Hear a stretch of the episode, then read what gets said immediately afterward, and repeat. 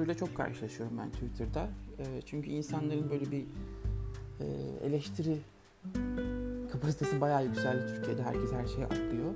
Hani sen ne kadar böyle insanlara speech veriyorsun, insanlara öğretiyorsun da bakalım sen nesin yani? Sen ne yiyorsun? Sen kimsin gibi sorular geliyor. Tabii birçokları bloklanıyor. Çünkü o seviyelere inmek istemiyorum.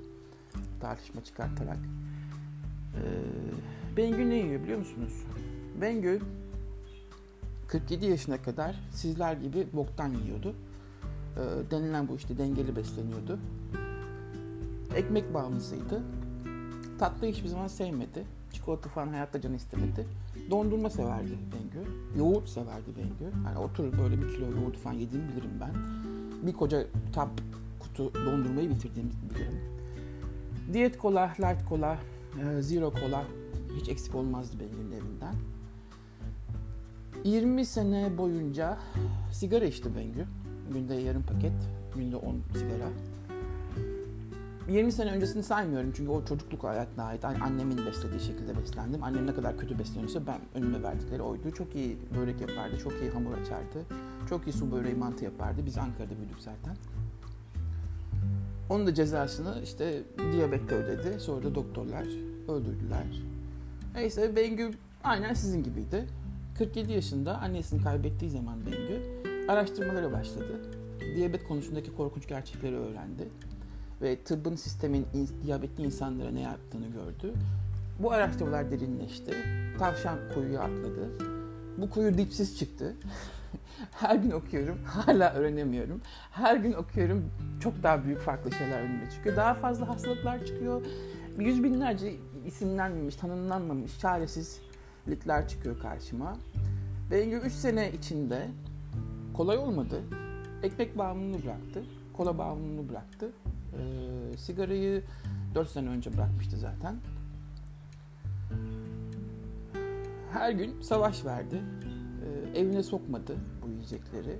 Kocası hala yiyor önünde. Ee, kocasının öyle bir e, yaşam felsefesi yok yani işte ekmeğe karşı. Ama o az yer zaten. İşte iki öğün yer, gerisini bırakır. Ama hep Bengü'nün önünde bir ekmek vardır yani evinde. Bu büyük bir savaş onun için. Bengü canı ekmek istediği zaman artık keto ekmek yapıyor. Keto ketogenic bread diye girin YouTube'da. Ee, bir sürü tarif bulursunuz keto ekmek üzerine. Artık canı istemiyor zaten. Ee, Bengü genelde sebzeye yöneldi. Bütün sebzeleri çiğ veya hafif buharda şeklinde veya fırında yiyor.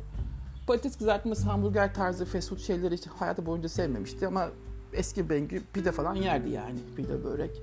Onları yerdi. Onlar çıktıktan sonra e, Bengü 3 sene boyunca lokantaya gitmiyor. McDonald's'a girmedi mesela. Hiç. E, eskiden de çok girmezdi de hadi ayda yılda bir kere girerdi. Artık hiç girmiyor. Hatta o McDonald's'ın önündeki işte o drive-in var ya arabayla kuyruk olup girip alıyorlar. Onlara böyle acıyarak falan bakıyor Bengü şimdi. Sokakta insanların kafelerde, restoranda yediklerine bakıyor. E, böyle falan oluyor. Marketlerdeki e, alışveriş sepetlerine bakıyor. E, aman Allah'ım, oh my god şeklinde kaçıyor. Market raflarını gezerken %80'ini atlıyor. E, hiçbir o aile girmiyor sağlıksız beslenme ailelerine. Sadece taze sebze, işte doğal yağ kısmından biraz da et kısmından alışveriş yapıyor Bengü. Çok fazla ekonomik imkanlarım el vermediği için Bengü'nün organik beslenemiyor. Bunu da beslenebileceği bir gelecek göremiyorum yani bu yaştan sonra. Organik olmasını isterdim ama gidip mesela Bengü organik tozlar alıyor. Organik hazır şekilde hazırlanmış sebze tozları ve protein tozları içiyor. Çünkü gün içinde beslenmesini tamamlayamıyor aksi halde. Ee, vitamin mineralleri eksik kalıyor Bengü'nün. Et varsa etini yiyor. Et yoksa sebzesini aksatmıyor. Suyu çok arttırdı Bengü. Suyla temizliyor vücudunu genelde. Ama içine sabahları işte limon, yarım limon suyu katıyor. Akşam yatarken de e, elma sirkeli suyunu içip yatıyor. Çünkü elma sirkesinin bir şeker, kan şekeri dengeleyici özelliği var. Ayrıca bakterileri falan da öldürüyor zaten. Genelde Bengü bu şekilde besleniyor. E, hiç işte böyle bir davet, yaş günü? Tabii ki oluyor. Katıldığı ortamlarda seçim yapıyor. Karşısına konan kötü yiyeceklerin içinde kötünün iyisini seçiyor. Ne varsa onlardan biraz yiyor. Atıyorum pasta mı geldi? Bir çatal alıyor tabii ki yani. Ne var bunda ölecek değil yani. Veganlık gibi bir yobazlığa sahip değil Bengü. Sadece yiyeceklerin vücuduna etkisini öğrendikçe o yiyecekler arasında böyle robot gibi, anında bir bilgisayar gibi seçim yapmasını öğrendi. Hepsini tık tık tık tık tık seçimleri artık çok kolay yapabiliyor. Bir sofra gördüğü zaman bu yenir bu yenmez, bu yenir bu yenmez diye anında 5 dakikada karar verebiliyor. Bugün kendin için ne yaptın sorusunu Bengü bugün kendin için ne yedin sorusuna çevirdi. Vücuduna vitamini, minerali, proteini, doğal yağı verdin mi sorusuna çevirdi. Bengü bu şekilde besleniyor. Ha, Bengü herkese bunu tavsiye ediyor. Ee, kimse onu dinlemiyor, farkındayım. Dinleseler kendilerine yararlı olur. Ve benim hiçbir insanlardan kazancım yok. Ben bir ürün satmıyorum. Ee, benim bir ofisim yok. Liste verip de sizden işte 300-500 lira almıyorum. Karşılığında öğrendiklerimi insanları aktarmaya çalışıyorum. İngilizce yayınlardan tercümeler yapıyorum. Okuduğum kitaplardan alıntıları ve özetlerini çıkartıp yayınlıyorum. Çünkü bu kitaplara ulaşamayacağınızı, bu yayınlara ulaşamayacağınızı biliyorum. Bengü'nün hayattaki amacı büyük ihtimalle bu şekilde devam ediyor. Bir ekstra parası olursa e, nutrition üzerine, beslenme üzerine ondan çok güzel kurslar var şimdi. Belki o kurslardan bir sertifikalı çünkü Bengü'nün de bir takık olduğu alanlar var. Yani Bengü bir şeyi öğrendiği zaman onun sertifikasını almaya meraklı bir insan. Bengü'nün birçok böyle sertifikaları dolu elinde. Belki öyle bir nutrition koçluk gibi bir sertifika sahip olabilirim. Elzem de değil olmayabilirim. Yani ben bundan para kazanacak bir insan değilim sonuçta. Ama hayat şartları belki bir gün çalışmak zorunda kalırım. Ben bu yönde para kazanmak isterim doğrusu. Çünkü insanlara yardım ediyorsunuz ve iyi sonuçlar alıyorsunuz. Karşılığında onlar size para veriyorlar. Amenna. Ama ben işin zararlı uzmanlığında değil, yararlı uzmanlığı tarafındayım. Bengü hayatını bu şekilde devam ettiriyor. Seçim yaparken öğünlerini azalttı. Mesele kahvaltı meselesi değil. Mesele sabah kalktığınızda uyandığınız için, uyanmanız gerektiği için e, melatonin seviyesi düşerken hormonal olarak kortizol seviyesi yükselmek zorunda ve kortizol yükseldiği zaman kan şekeri yüksek çıkıyor. Ve kalkar kalkmaz yediğiniz zaman zaten doğadan gelen o yüksek kan şekeri üzerine tekrar siz bir kan şekeri ekleyemezsiniz. Uyandıktan sonra en az 2-3 saat sonra yemeniz gerekiyor. Böylece kahvaltı öğününü otomatikman saat 10-11'e alıyorsunuz. İlk başlarda buna dikkat edin. Bengü de böyle yaptı. Kahvaltıyı zaten hayatı boyunca yemezdi çünkü çok yoğun çalışıyordu. Ee, hem iş yerinde hem rehberlik sahasında. Kahvaltı etmezdi, işe giderdi. Bengü için kahvaltı hiçbir zaman sorun olmadı yani kahvaltıyı kaldırmak.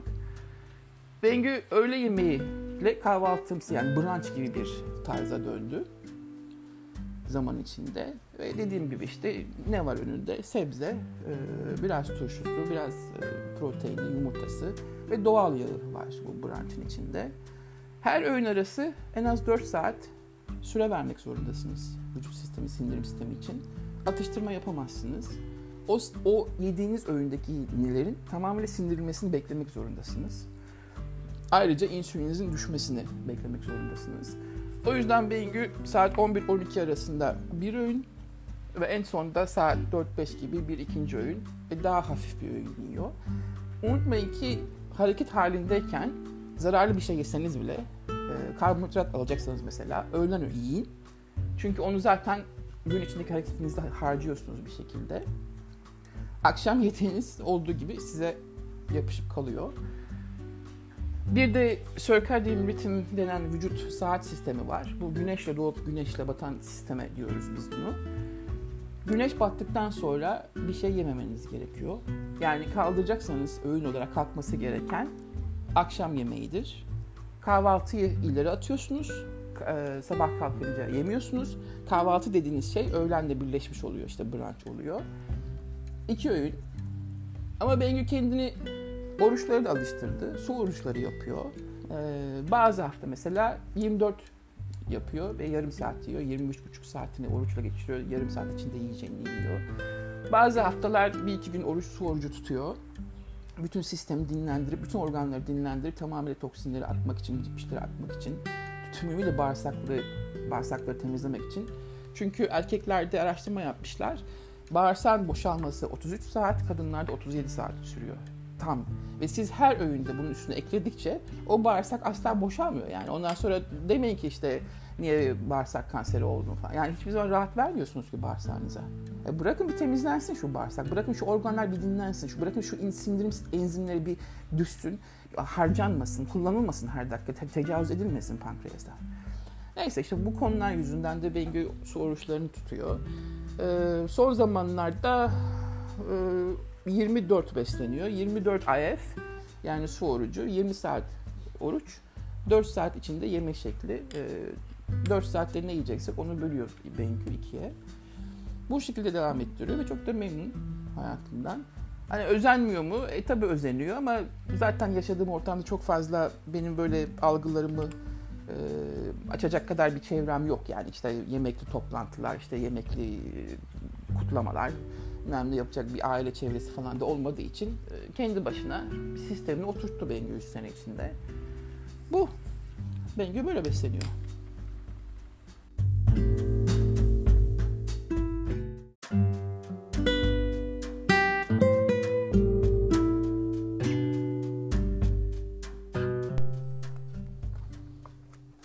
Dört hikaye bir gerçek.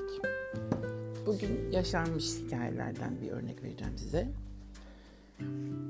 Ben Ankara'da bir kooperatif evinde büyüdüm. Yani bizim babalarımız apartmandaki 20 dairenin sahipleri bir fabrikada çalışıyorlardı. O zamanlar Türkiye'de kooperatifle ev almak çok yaygındı. Bugünkü gibi mortgage'lar, krediler falan söz konusu olmazdı. Ee, şirketin, fabrikanın yaptırdığı inşaata siz ko- kooperatif üyeleri olarak giriyordunuz. İşte 10-15 sene boyunca maaşınızdan kesiliyordu. Böylelikle bu 20 daire içinde biz çocuklar hep beraber büyük bir komşuluk düşünün. O şekilde büyüdüm. İhsan amca en üst katta oturuyor. Ta çocukken dikkat etmişim demek ki. Bugün hiç unutmuyorum hala. Ne zaman aklıma beslenme gelse aklıma adam gelir. İhsan amca kahvaltısını çok az yerdi. Mutlaka 2-3 dilim sucuğu, işte bir kaşık balı, biraz pekmezi, e, varsa yumurta, yoksa biraz peynir, zeytin o kadar az. Öğlen fabrikada çıkan tabldottan işte sebzesi varsa belki biraz pilavı. Akşam sadece çorba. Ve İhsan hiç araba sahibi olmadı. Her tarafa yürürdü. Bütün alışverişlerini otobüse binerdi, giderdi Ulus'a. İşte Sığıye'ye alışverişlerini yapar, dönerdi ve sistematik olarak bunu her hafta sonu yapardı. Bütün apartmandaki bizlerin babaları öldü, anneleri öldü. İhsan amca 95 yaşında hala yaşıyor. İkinci hikaye Halis anne, diğer bir komşumuz. Her zaman zayıf bir kadındı. Evine gittiğin zaman size bir şey ikram etmezdi. Sadece çay ve su. Şeyi hatırlıyorum, dolaplarındaki tencerelerin küçük olduğunu. O kadar küçüklerdi ki yani nasıl diyeyim size yarım porsiyonluk bir yemek ancak yapabilirsiniz öyle. Kadının bütün tabakları küçük pasta tabağı şeklinde ve tencereleri minnacık. Resmen oyuncak mutfak gibi. Çok az yerdi ve bir yaptığı yemeği bir hafta boyunca zor bitirirdi zaten. Ee, kocası genç yaşta ölmüştü onun. Tek başına yaşadı hep. Ve bu kadın az yiyerek, öz yiyerek 95 o 90'larına geldi. Bütün annemleri falan gömdü. Bütün komşularını. Hala yaşıyordur, yaşıyordur haberim yok ama en son gördüğümde bu şekildeydi. Üçüncü örnek benim kardeşim küçükken e, karaciğer kisti ameliyatı geçirdi. Köpeklerden geçen bir kist bu. Karaciğeri patladı. Tatildeydik Turban'da. 5 e, 5 yaşındaydı galiba sanırım. İşte acile kaldırıldı. Muğla acil. Ondan sonra Ankara Tıbba getirildi Hacettepe'ye. Şimdinin çok ünlü bir karaciğer nakil doktoru var. E, Münci Kalayoğlu. O zamanlar asistandı o Hacettepe'de. Ve onun asistanlığını yaptığı hematolog profesörü de bizim uzaktan akrabamızdı. Nurten teyze. O kadını ben hayatımda yemek yediğini görmedim. Ne zaman evine gitsek e, bize işte haşlanmış sebze, haşlanmış biraz et türlerini falan çıkartırdı.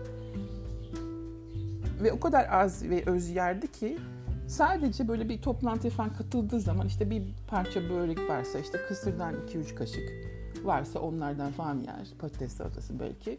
Ama gerçek yaşamında bütün hayatı boyunca haşlamalar, haşlanma etler çok hafif. Ee, ve bugün diyebileceğiniz işte bu çok düşük kalorili beslenme şekliyle o da bütün herkese akrabalarını, kendi arkadaş ya yaşıtlarını gömdü. Hala yaşıyordur. Kulakları çınlasın. Dördüncü örnek. Bundan 15 sene kadar önce bir televizyon programında sanıyorum gezelim görelim tarzı bir televizyon programı. 80 yaşlarındaki bir köylü amca böyle dipçik gibi ama diri. Dediler ki amca sen hani bu kadar sağlıklı görünüyorsun, bu kadar da hala aktif çalışıyorsun. Senin sırrın nedir? Hiç unutmuyorum. Adam dedi ki yattığım zamanlar bir öğün, tarlaya çıktığım zamanlar iki öğün yerim. Her zaman bir tabak, ne fazla sıcak ne fazla soğuk. Düşünebiliyor musunuz? Bu insanlar hiçbir diyetten, hiçbir teknolojiden, hiçbir araştırmalardan okumadan, hiçbirini bilmeden kendi yollarını bulmuşlardı. Kendi sağlıklarını bulmuşlardı ve kendi uzun yaşamın sırrını çoktan keşfetmişlerdi. Bu dört hayat çevremde ve benim gözlediğim ve gördüğüm bu dört hayat bugünle o kadar çok uyuyor ki yani ne zaman mesela bir diyet görsem, ne zaman bir e, işte bu diyet yoluyla para kazananları görsem veya insanların yediklerini görsem hep bu aklıma bu insanlar geliyor. Keşfedilmiş olanı Roma'yı tekrardan keşfetmek gibi incelemeden sırf para kazanmak için diyet kitapları, trilyonluk, katrilyonluk bir diyet endüstrisi var dünyada. Ve insanın aslında yaşaması için az ve öz yemesi gerektiğini, zehirli gıdaları almaması gerektiğini çoktan çözmüş olan yani 70-80 yıldır bu, yaş- bu şekilde yaşayan insanlar var dünyada. Ve bu insanları göz önüne çıkartacaklarına kendi o aç gözlü fikirlerini, kendi çürümüş fikirlerini toplumlara lanse etmeye çalışıyorlar. Ve karşılığında hastalıklardan para kazanıyorlar. Bu hakikaten korkunç bir kabus insanlık için. Dilerdim ki bu insanları inceleyip, çünkü her yerdeler yani sizin çevrenizde de vardır mutlaka. Dünyaya saçılmış şekilde bu insanlar. Bu insanları keşke göz önüne medya sunsalardı hiçbir tabi diyet kitabına gerek kalmayacaktı. Hiçbir birçok bugün kronik sayılan hastalıklar olmayacaktı. Ne obezite, ne diyabet, ne kanser, ne kalp hastalıkları gerçekleşmeyecekti. Çünkü örnek önlerinde, gözünün önlerindeydi ve yaşayan insanlar bunlar ve canlı kanıtlar bunlar. Hiçbir klinik deneye gerek yok. Hepsi kanıtlanmış gerçek olaylar. Dört hikaye, bir gerçek. Az ve öz. Ve o BMR denen işte boyunuza yaşınıza göre kalori hesapları 1500-2200'den aşağı yemeyin yalanları bir gün elbette ki ortaya çıkacak yalan olduğu. Fakat öyle bir tüketim dünyasında yaşıyoruz ki bu kapitalist dünyada insanları hala çok yiyin, çok yiyine itiyorlar. Ve bu kalori, günlük kalori şu kadar almanız lazım, bu kadar protein yemeniz lazım, bu kadar sebze, bu kadar karbonhidrat yemeniz lazım tarzı baskılar hala devam ediyor. Ve inanın gerçek değil. Çok bir dolandırıcı altındayız. Çok bir kan, büyük bir kandırmaca e, içindeyiz. Yaşayan örneklerden yola çıkarak diyorum ki dikkat edin doğru söylemiyorlar. İşin sırrı az ve öz yemekte ve atıştırmasız, aralıksız bir, iki, bir veya iki öğün yemekte. Bu ne vücudunuzu yoruyor, ne organlarınızı yoruyor, ne enzimlerinizi bitiriyor, ne antioksidan yapmak zorunda kalıyorsunuz. Çok farklı bir kimyasal sisteme giriyor vücut böyle yediği zaman ve hayatı çok daha uzun ve sağlıklı yaşıyor. Bence sır burada. Ama bunu size söylemeyecekler. Çünkü hastalıklardan para kazanıyoruz.